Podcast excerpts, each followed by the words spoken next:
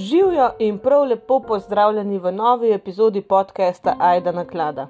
Danes je nedelja, čez zmešan urnik, ja, vem, sem tudi povedala, da bo, ampak sem se odločila, da na nedeljo posnamem, zato ker sem v zadnji epizodi rekla, se slišmo naslednji teden. In uh, če ne bom posnela tega danes, sem preskočila ta teden, tako da dobro, rajta, ne, vsaj tako le bom držala svojo besedo. Tako da, evo, ta teden epizoda prihaja šele na nedeljo, verjamem, da jo bo večina izmed vas poslušala v ponedeljek uh, med potjo v službo ali pa nazaj. Uh, tako da upam, da zdaj naslednji teden taki prihaja, moj resno dnevni teden, moram reči. No. Um, upam, da uh, bo kakšna epizoda več, no.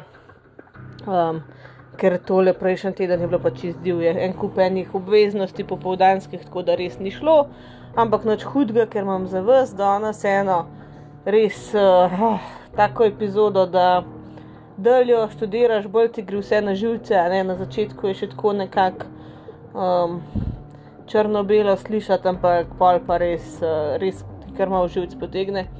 Tako da pogovarjali se bomo namreč o Diane Downs. you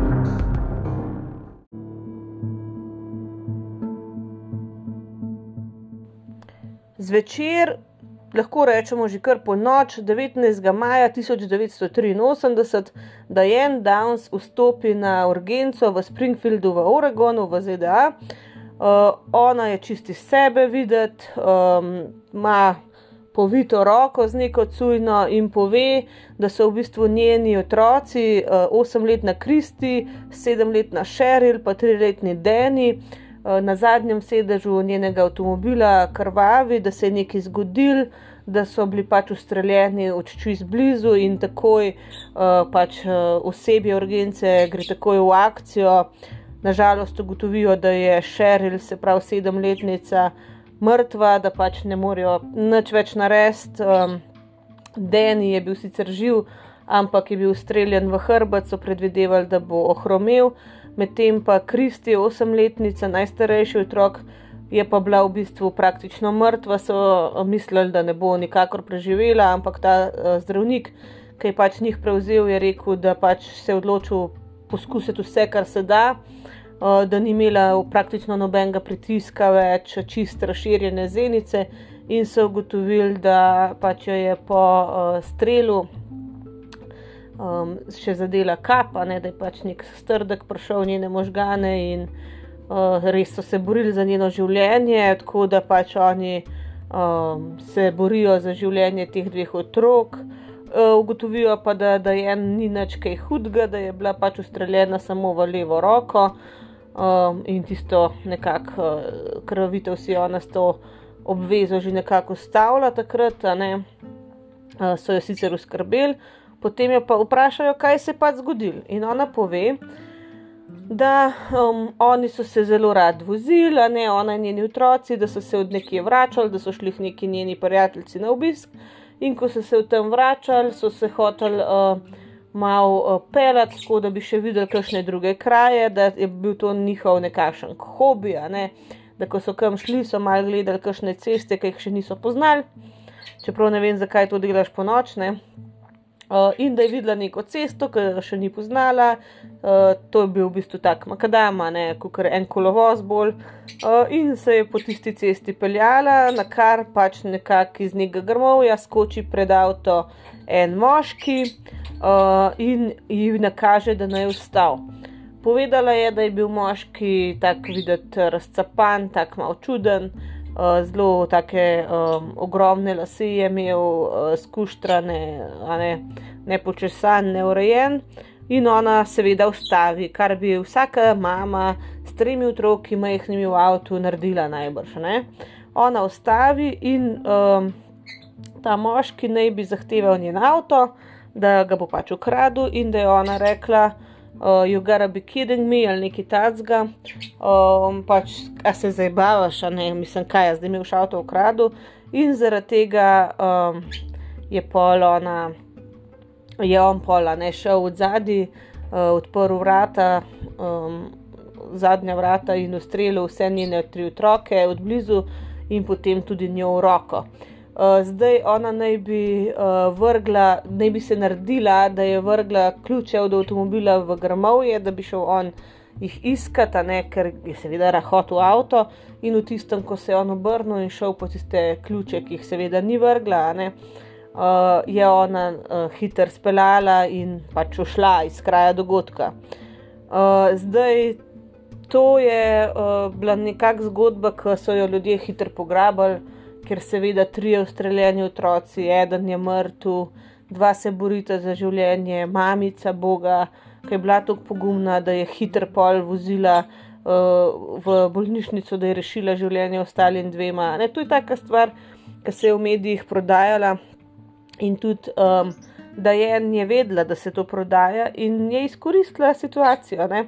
Takoj v dneh po, te, po tem dogodku, ko sta bila otroka še vedno v bolnišnici, uh, je začela dajati intervjuje. Zdaj, um, njene zgodbice so bile če dalje bolj zapletene, če dalje bolj uh, nasprotujoče si. Um, potem je dajala tudi toliko enih detajlov, ki sploh ni bilo mogoče, da bi jih vedela. Um, hotla je čim bolj prepričati ljudi, da je njena zgodba resnična, ampak bolj jih je prepričvala, ne? bolj neresnična se jim je zdela uh, pol tudi uh, te, uh, prvi del zgodbe, da jih je pač peljala nekam, da bi mal videl nove kraje, medtem ko so otroci spali od zadaj, že to se jim ni zdelo verjetno. Um, tako da, ja, počasi, počasi so se nekako dvomi začeli porajati v to, a je da je en pač, a, a govori resnico. Um, še en problem je bil, da v teh intervjujih je bila zelo tako. Um, ne da ni prav nič čustvena, no? nobenih čustev ni kazala, uh, velikrat se je kar nekaj smejala, pa nasmihala vmes, potem so jo recimo prosili, da bi uh, odigrala, kako je vse skupaj bilo, ta posnetek lahko najdete na YouTubu, uh, ta reenactment. Uh, in to je res bizarno za gledati. Ona se kar smeji, popravlja si lečila, popravlja si frizuro, uh, pač to mama, ki žaluje za enim otrokom, pa jo skrbi za dva druga, a ne, ne bi delala. In tudi potem, ko uh, izstopa ven iz avta, se po nesreči butne v to upornico, v kateri je imela roko in ji skoraj uide, uh, uf, to je pa bolelo skoraj bolj, bolj kot, ampak se ustal. Uh, in policija je nekako sklepala, da je hotela reči skoraj bolj kot takrat, ko sem se ustrelila. Tako da. Um, V glavnem, uh, res so bili čudni ti intervjuji, ne glede na to, da ljudje na različne načine pač žalujemo, se odzivamo na travmo, ampak uh, te intervjuji so bili res bizarni. In zdaj vam bom en, po moje, kar dolg del uh, enega najbolj znanega njenega intervjuja zavrtela, ker je res vredno slišati. No. Uh, kakšn, na kakšen način ona pripoveduje o teh dogodkih, o svojem doživljanju dogodkov in tako naprej.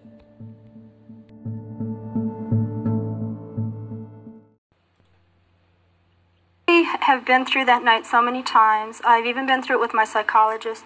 It's very hard, it's very tearful. There are a lot of memories that, um, I don't know. A lot of people, when something traumatic happens to them, they suppress it immediately. I kept those memories because I knew that I was the only person that was going to be able to tell them what happened when we got to the hospital.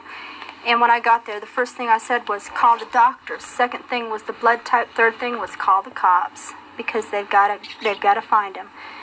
And so I had to remember as much as I could remember.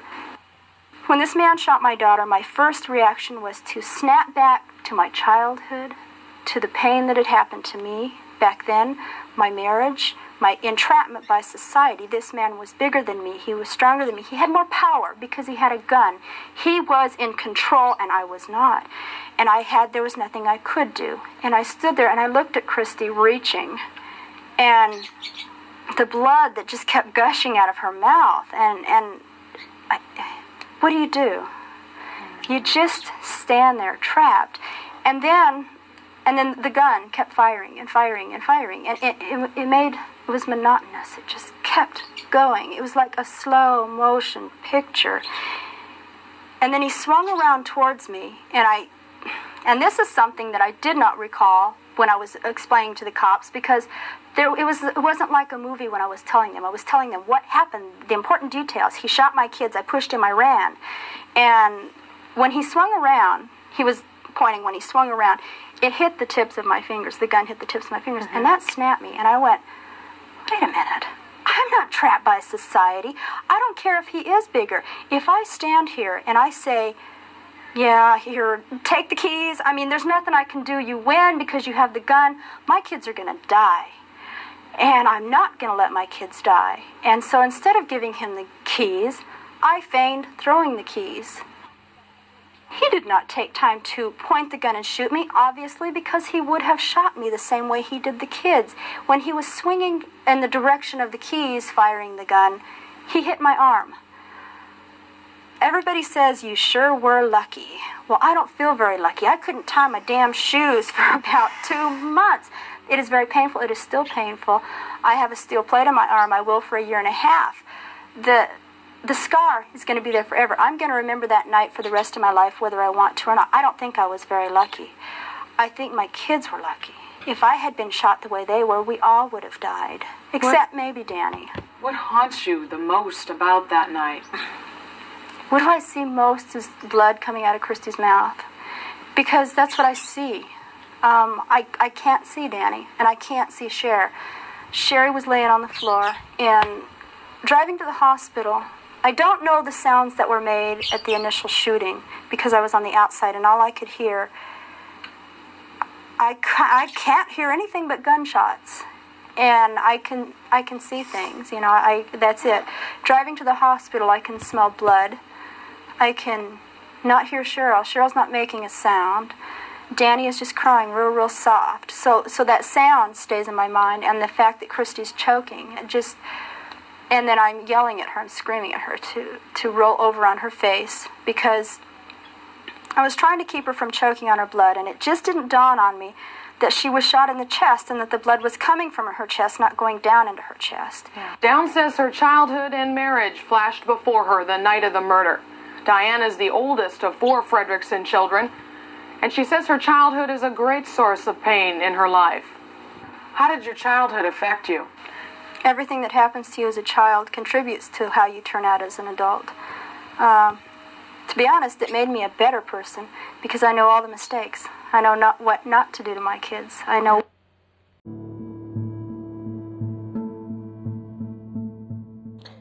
Ja, uh, končala sem s tem intervjujem na besede I knew what not to do to my kids. Ampak uh, kmalo se je izkazalo, da ne, da je en zagotovo ne ve, česa ne narediti svojim otrokom, uh, ker se je njena zgodba malo začela sesuvati sama vase. Um, tudi v teh intervjujih, v vseh, predvsem v tem, no, ta je najbolj um, znan z novinarko Anne Jäger. Um, Kolikrat ona uporablja besedo jaz, jaz, uh, pač meni se je zgodil, jaz sem la Boga.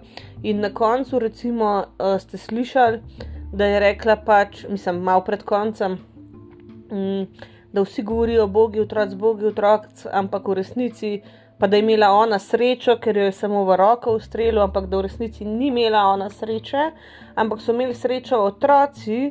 Da njo roka, da njo roka še vedno boli, da ima brazgotino revica, na katero se bo celo življenje, pač, ki jo bo spominjala na ta dogodek, uh, da si dva meseca revčka ni mogla zavezati čevljev, a ne Boga, Boga. In da v resnici imajo otroci srečo, da ona ni bila ustreljena tako, kot so bili oni, uh, ker pač, če, uh, če bi bila ona enako ustreljena, bi pač vsi umrli. To, ki skrivljeno ima ona predstavo. Zdaj smo zvedeli, kaj se je približno zgodilo, kakšen je vsaj rezultat tega, kar se je zgodilo. Torej, Kristi uh, je, eh, oziroma Šeril je mrtva, Kristi eh, ukriva eh, po možganski kapi po strelu in Denny, ki naj bi bil hrom po strelu. Zdaj gremo pa na začetek, kdo je bila Dajen in kakšna je bila resnična zgodba tega nesrečnega dne.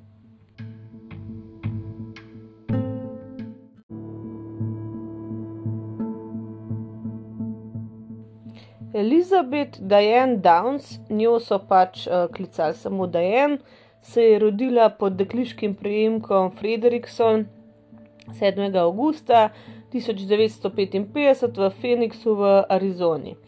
Zdaj uh, njihova družina izgleda zelo normalna, uh, pač z zaprtimi vrati so se sicer dogajale čist druge stvari, ampak njena mama, um, ime je bilo Willa Den, uh, je v bistvu jih prikazovala kot eno zelo konzervativno, zelo tako uh, pokončno družino, ki se drži enih svojih načel. Ampak v resnici je bila Dajen zlorabljena strani svojega očeta Wesleya Lindla, uh, nekako od, od 12 let dalje. Pravijo tako, da uh, vsekakor to otroštvo ni bilo um, najsrečnejše. Zdaj uh, o tem Dajen tudi v svojih intervjujih kasneje dosti govori. Eh, pač kakšnih napak se je učila od svojih staršev, ampak očitno naučila se pa ni. Zdaj, um, kot smo rekli, bila je zlorabljena, zdaj ne vem, ali je na to, to vplivalo na njeno obnašanje kasneje, ampak uh, tako je bila zelo tako.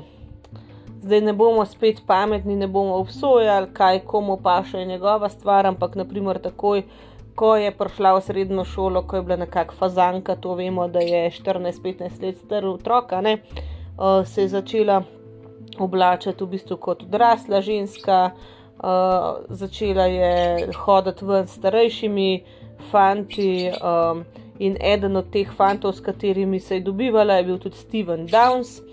Um, z njim sta pač res postala čist neločljiva in sta takoj začela skupaj v bistvu po ulicah Feniksa uh, iskati načine, kako bi se zabavala. Pač ona dva sta, sta bila tak žurerski par, čeprav sta bila oba, mislim, vsaj ona uh, je bila še zelo, zelo mlada. Ampak očitno on vseeno ni bil toliko starejši od nje kot ostali njeni fanti, lahko rečemo, ne? ker sta istočasno nekako uh, maturirala, kako koli, zaključila srednjo šolo. Uh, sta se uh, pa potem za en krajši čas razšla, ker je Diane v bistvu se upisala na Pacific Coast Baptist Bible College v Kaliforniji. Um, Steve pa je v bistvu se vključil v uh, mornarico, ne v vojsko, tako da nista bila več skupaj takrat, ker fizično nista bila skupaj. Ampak uh, kmalno je v bistvu Diane bila izključena iz tega količa, kot ste pač Eh, razbrali, je bil seveda to nek katoliški količ uh, in so jo vrgli ven, zaradi tega, ker se je zelo promiskuitetno obnašala. Uh, zdaj se pravi, ne bomo obsojali, ampak ni bila pa jih neko pridno krščansko dekle v tistih okvirih, ki so jih uh, oni zahtevali. No? Tako da ona, da sta se potem v Arizoni ponovno združila, spet postala par in sta se poročila 13. novembra 1973. Zdaj ta zveza pa ni bila neki rožnata, že od začetka ne, kmalo takoj na no, pol po, uh, po poroki sta se začela dosta uh, kregati. Um, pač uh, največji, nekak, največja tema njihovih, mislim, njunih uh, prepirov je bil denar, pač finančne težave, ki ste jih imela. Uh, pol sta tudi en drugega obtoževala različnih uh, nezvestop, ne pač eh, prevar in tako naprej. Tako da v to okolje so se potem rodili Kristi, Sheryl Lynn in Steven Daniel, ki so ga klicali Danny. Zdaj, Kristi je bila rojena leta 1974, potem uh, Sheryl je bila rojena 1976 in Danny 1979. Zdaj, uh, do časa, ko se je rodil pač Deni, do leta 1979, sta tok bila prepričana, da ne, da ne drug ni zvestno, da je bil tudi Steve Paul uh, prepričan, da Deni ni njegov otrok, biološki, uh, ampak da je pač rezultat neke afere, neke prevare od uh, Diane. Uh, tako da to se je na, načeloma potem tudi izkazalo za resnično. No?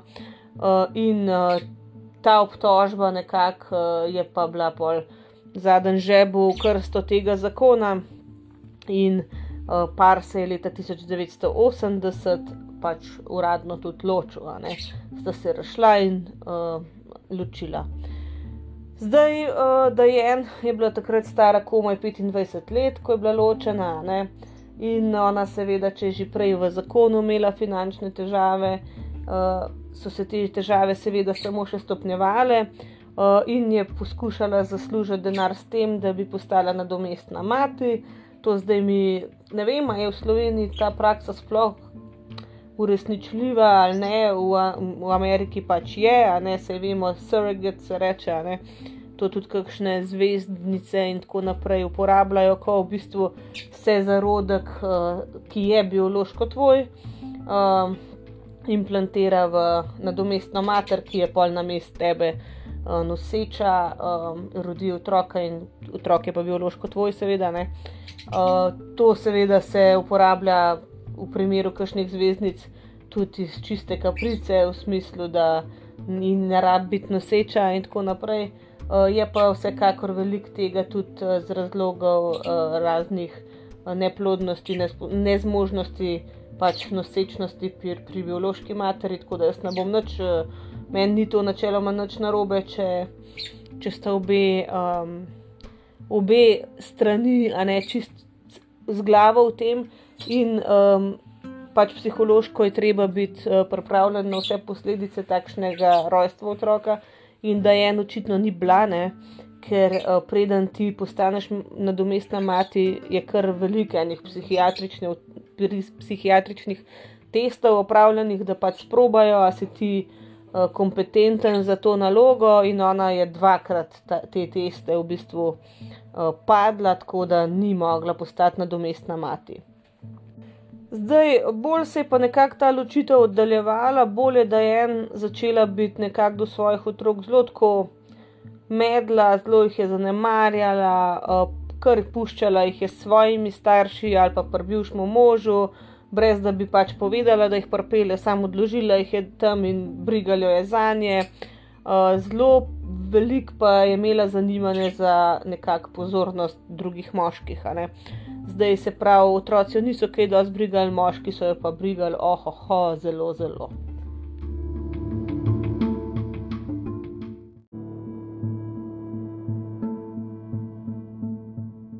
Kot smo rekli, ne, da je en imela zelo veliko željo po moških, pa po njihovi pozornosti, ki so, jo, ki so jo dajali.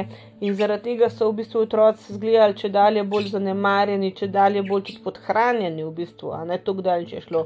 Tako da, da je začela puščati celo kristi. Nekako samo s malim dvema, s tem, da ona je bila stara šest let, tam očka na dva, pa ne vem, dve leti, tri, a ne, čist majhni so bili to otroci. Ampak ona je kar puščala sama in je mogla punca, najstarejša, za mlajša dva skrbeta. Ne.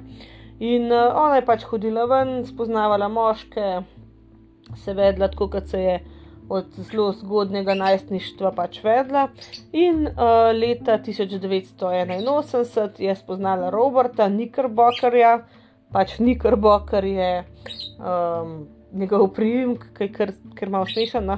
uh, klicali so ga Nik. Uh, in takrat uh, se je začela neka afera, neko razmerje, za katero je izgledalo, da bo pač vse njene težave rešilo. Uh, zdaj, um, ona se je v tega Nika res uh, ful zaljubila, um, bil je pa poročen, a ne to moramo najprej povedati. Uh, in videl se je pač, da on ima njo samo za seks, uh, ona je pa neka kukar globja čustva do njega razvila. In um, pač Nikar Bokar je v bistvu, ja, pasal mu je, ne, da ima pač tam eno ljubico pri strani, ampak vsi ti trije otroci, ki jih je ona imela, ki jih je moral tudi očitno spoznati, zgleda, ni imel niti neke izbire, so bili njemu grozna, ne liho vera v nekem zelo tako iz njegove strani negativnem smislu. Ampak on je ne povedal, jaz sem poročen, pač ok, bil je takrat uh, ne ločen, ampak separated, pač nista bila uradno ločena iz ženo, bila sta narazen, ampak je rekel, da tudi če se bo ločil, a ne da on res ne želi po zakonu takoj um, neke tako velike obveznosti, in da otroci so res ogromna obveznost. In da on ni pripravljen biti pač nek očka enim tujim otrokom, krtko naenkrat. Ne. Pač on je prihajal iz enega zakona, ki je očitno propadel, Uh, in je rekel, da mu je to prevelika obveznost in da, da se ne gre več in je pač um, prekinil to razmerje, kar je z njegove strani pač uh, zrela stvar, da je prekinil, ampak ja, mogoče ni zrelo način, kako si sploh vstopil v to razmerje, zakaj si sploh šel in koga imaš na drugi strani. Ne. Tako da, da Jen se nikakor ni sprijaznila s tem razhodom, vsak dan mu je pisala pisma, tako pač na roko. Um, na tone teh pisem so najdel, no, na tone ne zdaj, no, pač ogromno, no, cele škate uh, teh pisem so najdel, pol, ko so pregledali njeno hišo. Ona je bila res obsedena s tem, da z nikom uh, pač nazaj začneta. In uh, ja, ni imela, ni imela nobenih meja pri sredstvih, kako bi ona to pač dosegla. Aprila 1983 se je potem uh, Dajen preselila v Springfield v Oregonu in je dobila službo kot poštarca, ne pošto je raznašala. Uh, in zdaj pridemo, seveda, do 19. maja 1983. Zdaj, um, da je en pač, ona je mislila, ona je bila prepričana, da če ne bo več imela otrok, ne, če otroci ne bojo več v igri, da bo nik pač z njo nazaj skupaj. Kar vsi, pač, ki zdaj le to poslušamo, si mislimo, kaj je s tabo, butara in tako da ne, a ne pač nočete. Pač noče obveznosti, noče neke uh, no, noče se vezati, pusti ga primer in on tebe in to je to. Ampak ona je, kot smo že prej slišali v njeni verziji, naložila otroke uh, zvečer v avto, oni so pospali na zadnjih sedežih in jih je pelala po Old Mohawk Road, a ne pač to je ena cesta uh, zunaj, ne izven mesta. Uh, in uh, zdaj gremo pa v realno verzijo dogodkov, ki jih je ona prej sicer drugače opisala. Nobenega moškega ni bilo, pač noben je ni ustavil, ampak je da je en sama pač v bistvu ustavila avto na robu ceste in z 22 kalibrsko pištolo vsakega od svojih treh otrok ustrelila. Potem uh, je sama sebe ustrelila v levo roko, v nadlakat, uh, in se je pač peljala v bolnišnico. Ona je v svoji verziji uh, rekla, da pač uh, je drvela, res da je čist frantično uh, vozila, ne, uh, čist, uh, čisti sebe, da je bila, ne, uh, zaradi tega, da bi ta prav čas prišla v bolnišnico, da bi lahko rešili njene otroke. Ampak uh, dejansko so našli um, eno pričo enega človeka, ki se je za njo vozil tistega večera, ki se je spomnil, da se je vozil za njo. Zakaj? Ker je rekel, da je pač vozila tako počasi, da njegov uh, števc v avtu v bistvu sploh ni zaznal hitrosti. A veste, ker recimo tam nekje čez 10 na uro, 20 na uro voziš ti komi, komi kaže, a ne se komi kaj premakne uh, ta uh, kazalca, ne, no toliko počasi je ona vozila, uh, tako da um, pač uh, so rekli, da več kot recimo 10-15 km na uro, to sigurno ni, bolo, ni bilo, in so predvidevali, da je to počasi vozila zaradi tega, da bi zavlačvala, um, da bi čim kasneje prišla v bolnišnico, da se mogoče otrokom ne bi mogli pomagati. Zakaj je pa to želela?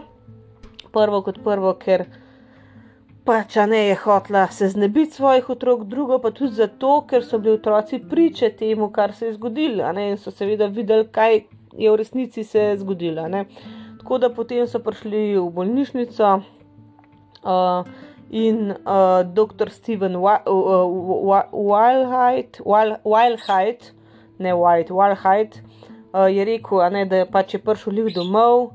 Po službi pa je njegov ta um, pager ne, pač začel piskati, in je takoj šel nazaj. Um, pač v bolnico, ki je bil to res tak primer, ne, da so res rabili vse možne ljudi, ki so jih imeli na voljo, in, in je on je rekel, ne, uh, da pač uh, je mislil, da je Kristi mrtva, ne najstarejša, da ni imela. To je tisto, kar sem že prej rekla, ne, da je imela čisto razširjene zenice, da ni imela praktično nobenega pritiska več. Ne, uh, in um, je v bistvu on rešil življenje. Ne. No, in je rekel, da ja, pač oni so se res matrali, rešili so Kristi, rešili so Denija, uh, pač ta, tretje, ta tretjega dekleta niso mogli rešiti, kot smo že rekli. Ampak potem, ko je on operiral Kristi, gre do Dajen in ji pove, pač, ja, da je Kristi preživela, sicer da je doživela možgansko kap in da se še vedno pač bori za življenje. In je rekel, da tukaj je bila prva stvar, s katero se je srečal, ki mu je bilo tako, kot je alarm v glavi. Da, ko je pač povedal to, eh, kar se je zgodil, pač eh, rezultat vsega skupaj, da je en, ni ona potočila niti ene soze prav da ona je samo vprašala, uh, kako pa je, nobene reakcije, čustvene ni bilo, in da, okay, prav, da kot zdravnik se je v življenju srečal že z ogromnim. Različnimi načini, kako se ljudje na travmo odzovejo, ali pa na izgubo, ali pa na žalovanje, ali kar koli pač, da bi bilo mu malo ne navaden, ampak se je naučil ne obsojati teh stvari, ker nikoli ne veš, ne, kakšen boš v tistem trenutku ampak da je polno začela polno govoriti take neumnosti, kot recimo, um, je to pa čist pokvaril, zdaj moj dopust, uh, pa, pa uničili je to moj avto, uh, jaz imam nov avto. Uh, In zdaj je krip v vseh zadnjih sedežih nad smakana. Ne? In da je on sam tako gledal, kaj ti govoriš, ženska, en otrok ti je umrl, dva se pa borite za življenje in da v pol ure, odkar je z njo govoril, je bil prepričan, da je ona kriva. No, zdaj so se začele pa te njene laži in te, ta njena natovcevanja.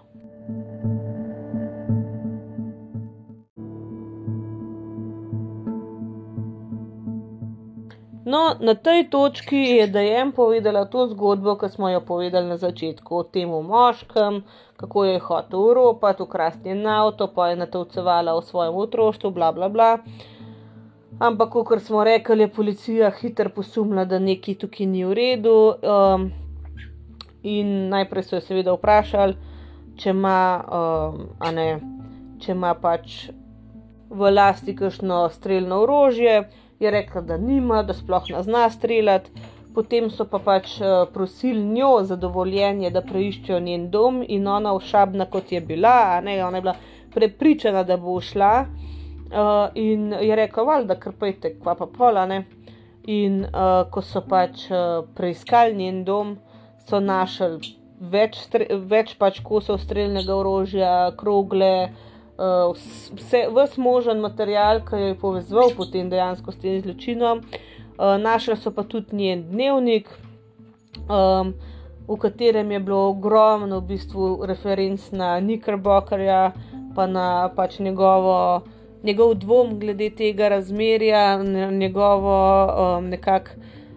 Nastrojenost proti otrokom, čeprav to ni prava beseda, pač on ni imel nič proti otrokom, ampak nisi želel takšne obveznosti. Uh, potem so najdel tudi uh, te pisma, ki mu jih je pisala, ker ona tega ni oddala, ne? ona je pač pisma pisala in jih spravljala. Uh, in potem se je pa, sem pač našla tudi uh, neka priča, uh, ki je dejansko pač se vozila za njo, ta priča, ki smo jo prej omenili, uh, ki je pričala, da pač uh, se je vozila čist počasi. In ko so nabrali vse te stvari, to je trajalo skoraj en let, ne so jo 28. februarja 1984 uh, areterali um, zaradi pač suma, da je pač ona umorila svoje otroke. So pa v tem primeru pač čakali še na en, še na en uh, dokaz in sicer na pričanje od Kristi ker Deni pač je bil premajhen, on je bil star tri leta, on ni niti videl, se ni spomnil, niti ne vemo, če bi sploh lahko uh, dojel, kaj se je zgodil. Kristi je bila pa stara devet let ne, in je seveda je bilo čist jasen, uh, kaj se dogaja, ali osem let, se ne vem, no, dovolj v glavnem. Ampak ona po tej kapi, ki je jo pol doživela, dejansko je zelo težko govorila. Um, In um, tudi, ko je že zmogla povedati, ni, mo ni mogla povedati, so pa uh, sestre v bolnišnici pač pričevale, da dejansko, um, ko je vstopila, da je en v soboh, Kristi, ko je bila Kristi še na aparaturah, tudi če je bila v komi, tudi če je spala, kukar je začutila očitno oddajem prisotnost, so vse vitalne funkcije čisto pobeznale, utrip, dihanje, pač vse, da je čist norel, da se je res videl, da je v neki stiski.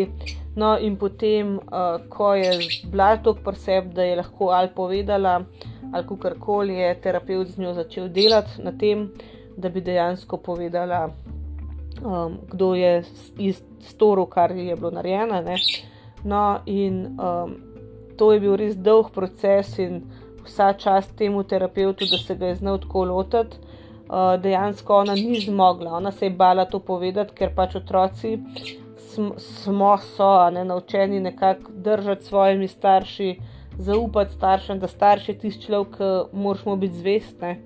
Uh, no, in to je trajalo več tednov, ko je recimo Dajen, ne Dajen, uh, Kristi, pač na listek napisala, kdo jo je ustrelil, uh, in sta bila zmenjena s terapeutom, da pač vsak dan napiše na listek, potem pa da v kuverto in kuverto zažgeta. Ko bo pa pripravljena, bo pa pač kuverto dala njemu in bo on lahko to pogledal.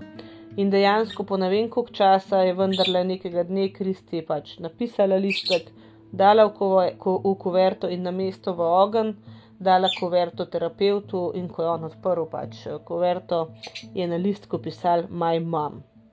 Tako da to je bila pa zadnja stvar, ki so jo še rabili, dejansko pričanje, da je Dejan sama v bistvu streljila svoje tri otroke.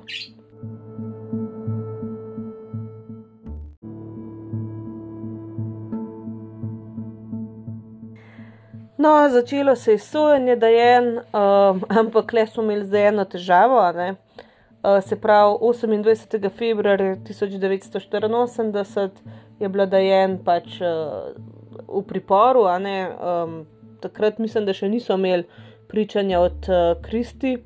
Uh, ampak. Um, Maj se jim je mudila, ne? zato so pač bili močka nepotrpežljivi do tega terapeuta, čeprav je moral biti, kot je bilo. In zakaj se jim je mudil, ker je bila dajen noseča.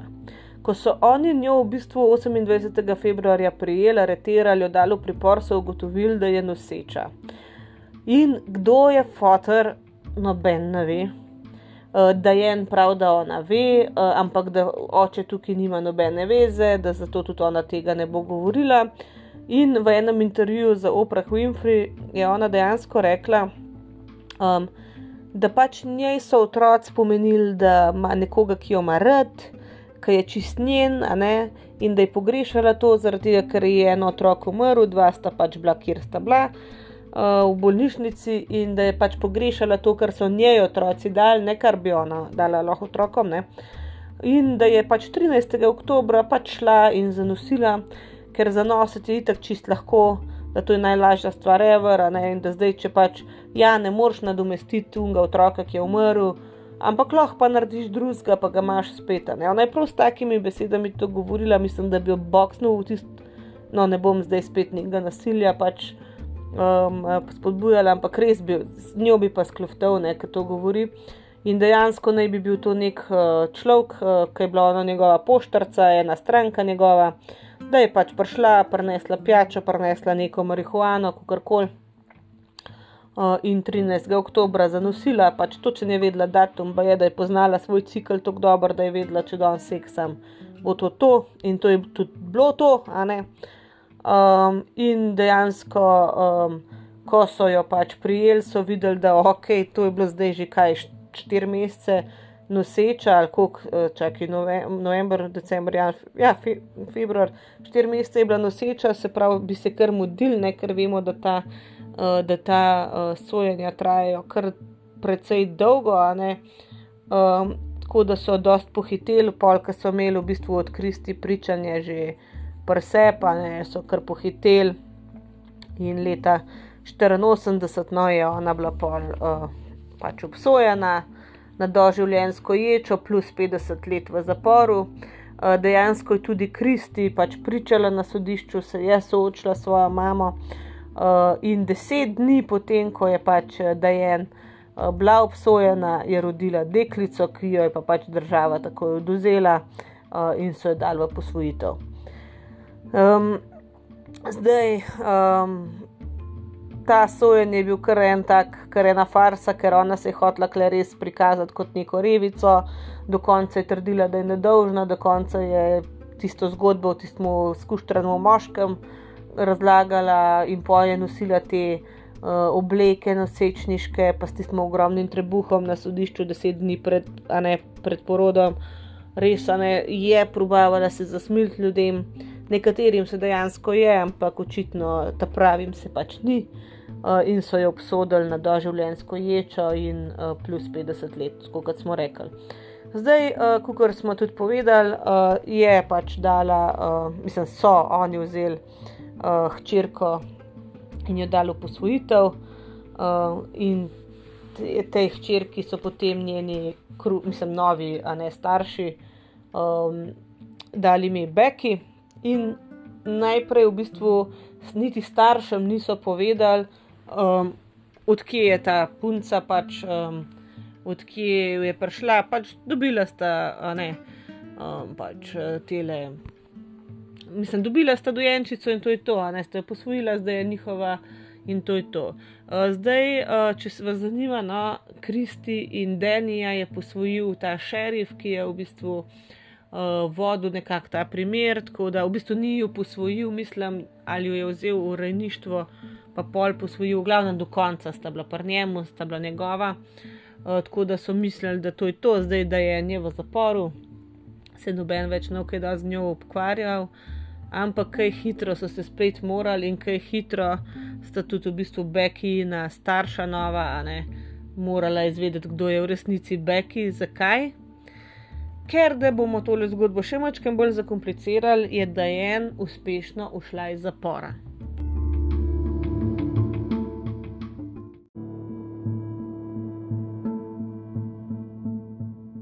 No, um, še en prebivalec Oregona je bil Wayne Cypher in njegova žena, od katere se je v tem času že ločil, je bila pač zapornica v Oregon Women's Correctional Center, se pravi v ženskem zaporu v Oregonu.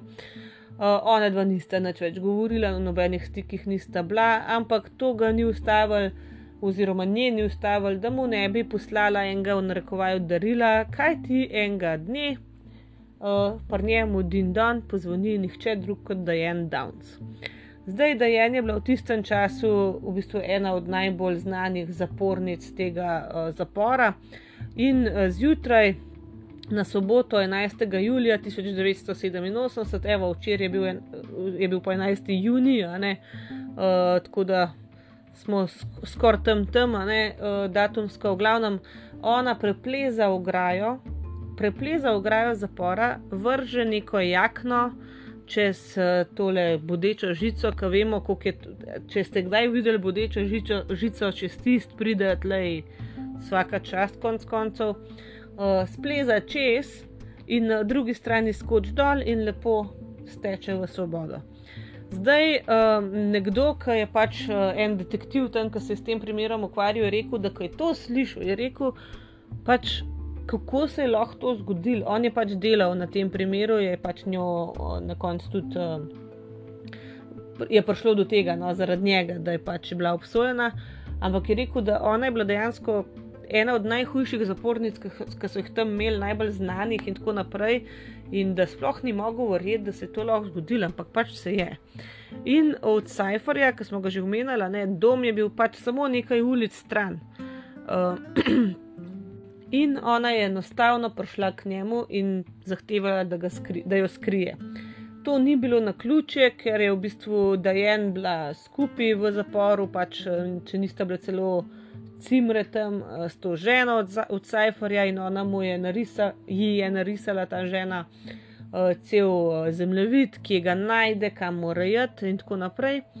Uh, in dejansko policija ni imela nobene, nobene priče. Eno pričo so imeli in je tista, pač, tista informacija čist uh, ni nikamor pelala. Ne? In dejansko so rabili deset dni, da so dejen našli pač dejansko so čisto vsak namik, ki so ga dobili, pač preverjali, uh, ampak noč ni nikamor pelalno, uh, in takrat so naredili pa paniko zaradi otrok. Zdaj, predvidevali so, da bi pač Dajen v tej svoji glupi glavi ne, uh, najbrž vsaj probala najti svoje otroke in jih v bistvu ugrabiti. Uh, zaradi tega so morali pol tudi Bekinim staršem, se pravi te njene deklice, ki se je rodila potem že v zaporu, povedati, ne, da je Dajen hči od, mislim, da je Beki hči od Dajen, da je mogoče v neki potencijalni nevarnosti. Uh, in takrat so oni v resnici izvedeli, da če da en ne bi šla, najbrž ne bi nikoli izvedeli. Medtem ko druga dva otroka, se pravi Kristi in Deni, ki sta bila pa pri tem šerifu, je pa rekel, da ima, da ima on sam pač uh, prepovedal iti iz hiše in da je dobesedno na gugalniku, na terasi, na pač verandi pred hišo sedel z nabito puško v roki in čakal, če bo prišla da jem. Pač to, da ga je bilo strah, da bi tem otrokom še kaj naredila. Mislim, jaz sem po eni strani res vesela, da sta pol dobila neko tako okolje, kjer sta bila dejansko varna, kjer jo je nekdo na tak način hotel zaščititi, ampak da je bilo to treba, je pa bolano. Tako da, um, da je bila medtem pri Cypherju, uh, on je v tem času živel v tej hiši še z dvema prijateljama. In je rekel, da tudi uh, on pač ni čest dobro vedel, zakaj se gre, da je bil takrat zasvojen s heroinom, da pač mu ni bilo jasno, kdo in kaj, kdo je. In da tistega dne, ki je pač da jem prišla, je bil čist eh, mačkast. Uh, da je pač nekdo drug odprl vrata, uh, da je rekel, da je nekdo je prišel, pač hoče s tabo govoriti, in ko je on prišel dol, uh, ni vedel, pač, kdo sploh je. Uh, in da je ona rekla, da lahko ostanem tukaj, in on rekel, ok, pač, zakaj pa ne, in je šel nazaj spat, ker je bil zmačka zadet, ni da ni. Uh, in da na koncu se je čez nekaj ur, se je on pač zbudil, da je ona pač eh, šele um, predstavila, kdo pač je. Um, oziroma, ni povedala, kdo točno je, uh, sam približen iz kje je prišla, ni se predstavljala z imenom, bila je pa gola takrat, najbrž tiste zaporniške cujne nekam vrgla. In da sta imela tudi neko spolno razmerje v tem času, ko je bila tam. Uh, in da je rekel, ja, da pač on je bil takrat čista žilčna razvalina, da, da, da ni bil, ni bil z, pač čista, ne, da je bil skozi zadet ali pa pijan, tako da uh, jo je pač pojdojel, kdo ona je. Ne, in da je bila njegova naloga, da pač jo zadrži v hiši, ni upal pač poklicati policije, ampak da vedel pa je, da ne sme iz hiše jeti, da ne bo koga pač poškodovala, komu kaj naredila. No. Uh, ampak pol, ker že policija ni imela več nobenih namigov, so začeli um, preiskovati oddajen um, pač imetje, a ne v zaporu, in so našli nek blok, a ne pač papir. Um, Nek, neke papirje, no, ki jih je ona imela v svoji celici spravljene, in pol so uporabljali to metodo, ki smo jo mi vsi v osnovni šoli, ne, da si prej nekaj na papir pisal, pa si pa z barvico šel čez um papir spodaj in se je videl, kar je prej tam gor pisal, ne? Uh, ker ti pritisneš, pa pol ostane v tor, a ne v papirju.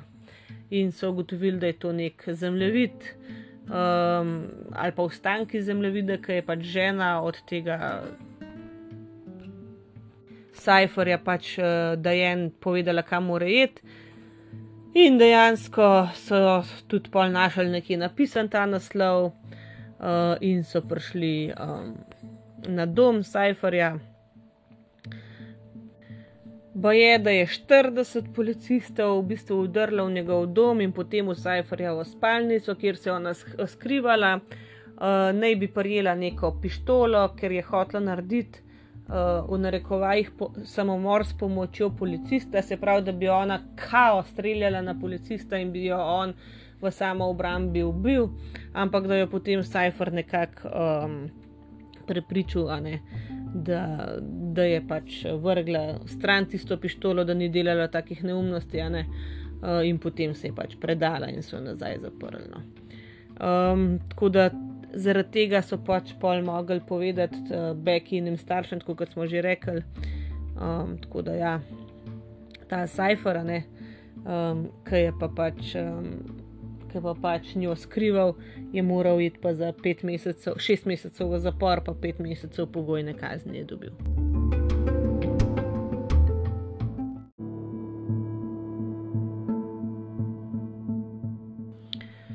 No, ampak uh, ta pobeg ni imel v bistvu nekako posledic samo za Cypherje, ki je mogel zaradi nje iti v zapor, pa tako naprej, ampak je imel grozne posledice tudi na njeno hčerko, Becky, na to, kar se je rodila v zaporu. In ona je pred leti pač uh, sporočila, mislim, je začela sodelovati uh, v javnosti, ona je zdaj stara, se pravi 38 let. Uh, in je povedala polo v nekem prvem intervjuju, ki ga je dala, ker ne, ona se je odločila, da ne bo jih preveč sodelovala, ker halo, no, bi rad bil s tem povezan. Ampak se je zdel nekako tudi skoraj terapevtsko, da da to ven iz sebe. In v glavnem, ona je povedala, da je vedno vedela, pač, da je posvojena, da nikoli nista pač starša skrivala tega.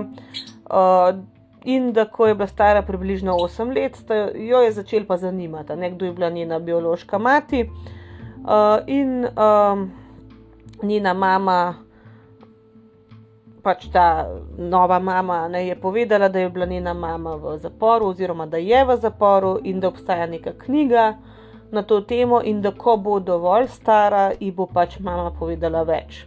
Kar se mi zdi dobro, ker otrok res ni tako dozrel, da bi kakšne stvari vedel. Tri leta kasneje, se pravi pri 11 letih, je pač Becky nekako svojo varuško uh, na finto vrgla, da je pač povedala ime um, biološke matere, uh, svedla je, da je, to, da je bila to Diane Downs in je šla Becky v neko knjigarno tam. Da bi pač raziskala, če ima kaj na to temo, in je bila čist šokirana, ker je pač našla, kar je našla. Uh, in da najbolj je bilo pa grozen, ko je pač to knjigo, a ne v tej zgodbi, začela listati. Uh, in ko so bile noter fotografije, je videla, da ima ta isto brado, iste prste, pač določene iste kretne, očitno, uh, in da je res uh, rata jasno, da to je njena mama in da jo je to čist prizadel. Eh, zdaj, ko sem rekla, brado, da je ena bila res tako, pač meni je grda oseba, zato ker je to žleht, ampak a veste, tisti ljudje, reveži, ki imajo res uno brado, tako naprej, pač ona je ena od dunih, res. In ta hčerka njena prav, da ima isto, čeprav ne hčerka je fulbol lepa, ampak jaz mislim, da je to zato, ker je vsak človek lep, če je lep na notarane, da jem pa pač ni bila, ampak pejte pogled, boste hitro vedeli, kakšno brado je ona mislila. No.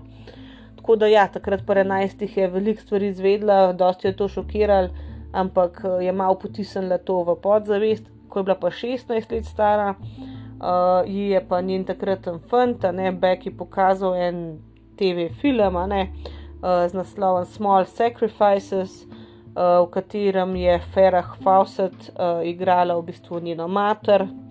In takrat je rekla Becky, da to je bilo pa v bistvu res tisti šamar ki ga je ona dobila, ne neka realnost, ki jo je udarila, kako hudo je dejansko z njeno materjo bilo. Um, in da je ugotovila, da ona ni bila mati, ampak je bila pošast. In da od tam naprej se je pač z Beki um, samo še slabšal, da je pač čist psihično propadla, da je začela piti.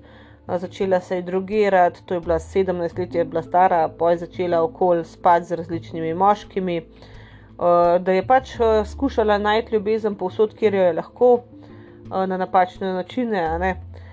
In da ko je bila stara 17 let, je zanosila in je dala svojega otroka v posvojitev. Ko je bila stara 20 let, no, ko je bila pač čist brez denarja, brez domka in še enkrat pač noseča, je pač dala uh, še enega otroka v posvojitev, uh, in je rekla, da v bistvu takrat je začela drugače gledati na svojo biološko mamo, da je vedela, da jo je tako bolelo to, da je otroka dala stran uh, in da je hotla pač govoriti z nekom, ki bi se lahko s tem poistovetil, in je v bistvu um, skušala stopiti v stik z Dajen. Zdaj, Beck je Dajen poslala pismo v zapor, povedala je, kdo ona je uh, in ji je Dajen dosti normalno odpisala, uh, odgovorila na nekaj stvari, ki jih je pač Becky napisala, in da je bila tudi vesela, da jo je kontaktirala. In da je napisala, da je vedno vedela, da jo bo, a ne kontaktirala na eni strani, na eni točki, ampak že naslednje pismo, ki ga je pač Becky dobila od Dajem, pa ni, pač, ni bilo tako prijetno. Um, začela je takrat sprašvati, kdo je njen biološki oče. Uh, in ko je pač vprašala Beki te stvari, je je očitno to zelo razjezil, uh, da je bila taka, kot en otrok, ki pač začne pač, uh, trmariti in, uh, in jokati in butati s pestmi po tleh. Uh, začela je v bistvu se jeziti, zakaj ga hoče najti, da uh, pač kar neki, no, pač čist uh, take otročje stvari je pisala, predvsem pa ni hotela povedati, kdo je njen oče. No. In da s časoma so njena pisma od Dajen postajala ne samo nesramna, pa otročja, ampak tudi strašljiva na nek način, uh, polna nekih teorij zarod, uh, da, ji, da je bila prepričana, da je v zaporu zato, da je na varnem. Uh, in da sem kar neki, vse možne teorije je pisala, pa je bila nesramna že do Beki kot take, in da na eni strani, uh, mislim, na eni točki, no, strani, na eni točki je pol Beki rekla, ok, zdaj mi pa nekaj pisati, ker pač. Um, ker je začela pisati, da je en, da pač uh, Beki celo življenje določeni ljudje opazujejo in da jo hočejo ubiti. Um, In da poljo je v bistvu obtožila, da Beki hoče, da je en ubit, v glavnem čist se je zmešal zgleda, tako da je Beki rekla, ok, dej, končava ta odnos, ki je nikakav, nekaj mi pisati in to je to. No. Uh, zdaj Beki zdaj ne pravi, da um, res uh, obžaluje, no, da je kadarkoli pisala, da je en, uh, da ima čist izjemno družino doma, res. Uh, da ima krasne te starše, ki so jo posvojili in vse ostale ljudi v svojem življenju, in da ni prostora v njenem življenju za takšnega človeka kot je Diane Downs. Um, še vedno ima pa krizo Beki s tem, da se občasno še boji, da bi postala takšna kot je Diane. Uh, zdaj prav, da uh, recimo zdaj ima ona svoje otroke, a ne. Um, oziroma mislim, da je ta prvega otroka, pa 17, ona izgubila. No? Da je pol samo enega dala, pa 20 v posvojitev. Vem, da je e, vsaj enega otroka izgubila. No? In da prav ona je čist izgubila pamet, takrat res uh, tako kolerična ratela in tako naprej. In da uh, je pol dejansko poiskala enega terapeuta, enega svetovalca, ker je rekel, da se zdi, da se bo kar zmešal, da bo ratala tako kot njena mama.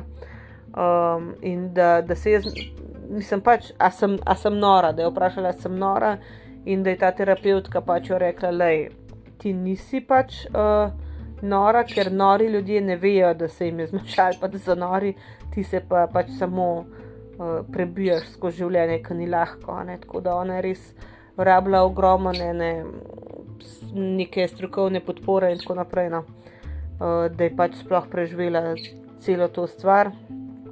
Uh, in tako pravno, da pač mogoče da je en res ženska, ki jo je rodila, ampak to je vse. Pač da to, da ti rodiš, še ne pomeni, da si mati, da nimate nobene povezave, nobene nič skupnega, da je bila zelo um, v takem vernem okolju pač vzgojena, uh, na kar se je tudi dobro prilagodila, uh, da zdaj pač ta njen sin, ki ga ima, je dober, uh, dober funkcionira uh, in je vse v redu, zdaj po tem njenem težkem obdobju. No. Uh, tako da, ja, um, da res ne želi več imeti več zdaj. Uh, zdaj uh, Becky je skušala nekako vstopiti v, v stik tudi uh, s Kristi uh, Danijem, ampak pač one dva skušata ohraniti neko zasebnost, tako da je rekla, da pač ve, da je cela izkušnja bila za njo zelo težka, tako da čisto. Uh, čist razume, da ne želite nekega stika, ampak da kar pač ve, sta pa v redu in srečna, tako da to je vse, kar nekako si želijo ona v njiju vedeti. Zdaj, ker pa najbrž vas tudi zanima, kako sta ti dva preživela otroka, kot smo rekli, jo je pač uh, najprej vzel v rejništvo in na to uh, posvojil uh, ta preiskovalec Fred Hugi, pa njegova žena Joanne leta že 1984, se pravi eno leto po tem streljanju. Um, Kristi, kot smo rekli, je postala glavna priča uh, so, na tem sojenju.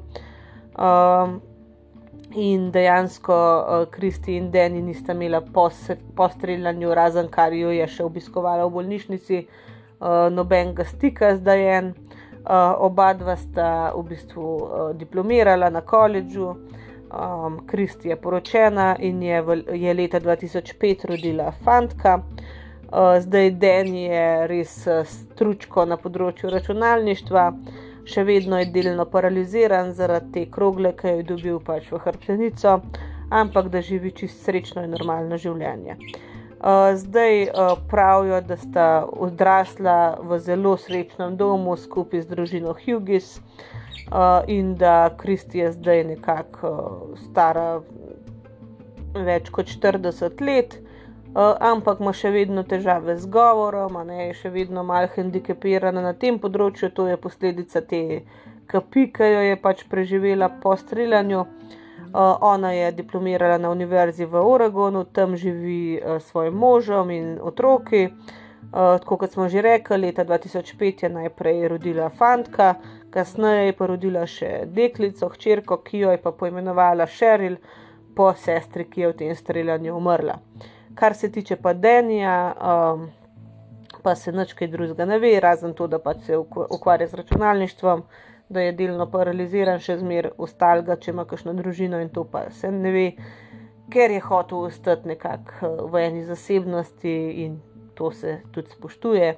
Sta pa oba srečna in čist normalna človeka, tako da to recimo je nekaj, kar nas res zanima. Kar pa nas zanima še je to, ki je zdaj dajen. Dajen je pa še vedno pač v uh, zaporu um, in sicer v Čaučila. Uh, zaporu v Kaliforniji. Uh, tam je od avgusta 1993, zaradi tega, ker ne, so jo pol nekako predstavili. Um, ta zapor je zelo tak, ker um, znan, no, so jo predstavili zaradi tistega pobega. In seveda, tistim, ki res podrobno poslušate moje podcaste, je ime Čaučila najbrž znan, tudi meni je bil. In seveda sem šla pogledat za nazaj, kdo še je tam in tam svojo zaporno kazen prestaja Nancy Gorido. To je tista uh, ženska, ki je v bistvu pomagala nekako uh, uh, ugrabiti in držati v ujetništvu J.C. Dugard. Uh, pa Louis Turpin je tudi tam, to je pa ta uh, mama, ki sta z njenim možem uh, v bistvu svojih 12 ali 13 otrok uh, držala zaprte v hiši. Uh, se spomnite, to je bila pa ena od prvih epizod. Tako da imajo kar, kar recimo en tak klušten šopek najbolj glupih, najbolj groznih žensk na svetu v tej čovčili.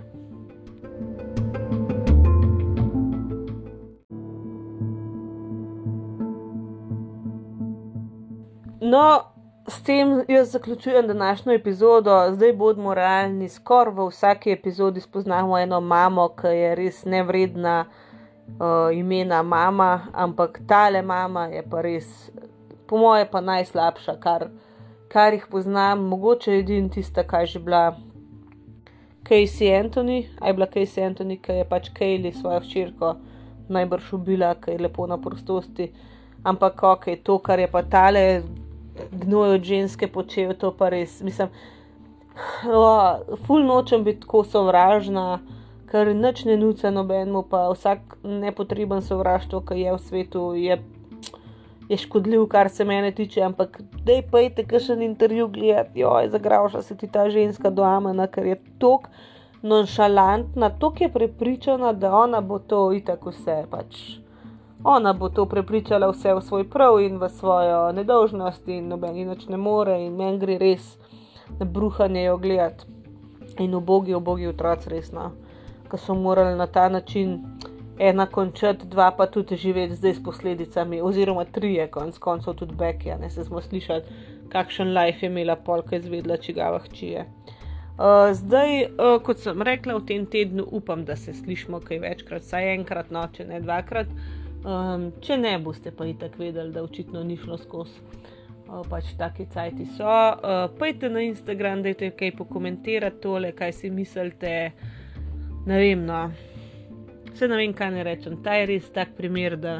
A ste slišali že za njega drugačno? To so, recimo, zdaj, kot vidite, so primeri, ki niso tako zelo zveneči, ki še eno kanilih, full true crime, fan, mogoče niso tako znani, ampak so grozni, no, ne? Kako pač niso vsi najbolj znani, lih nujno najbolj grozni.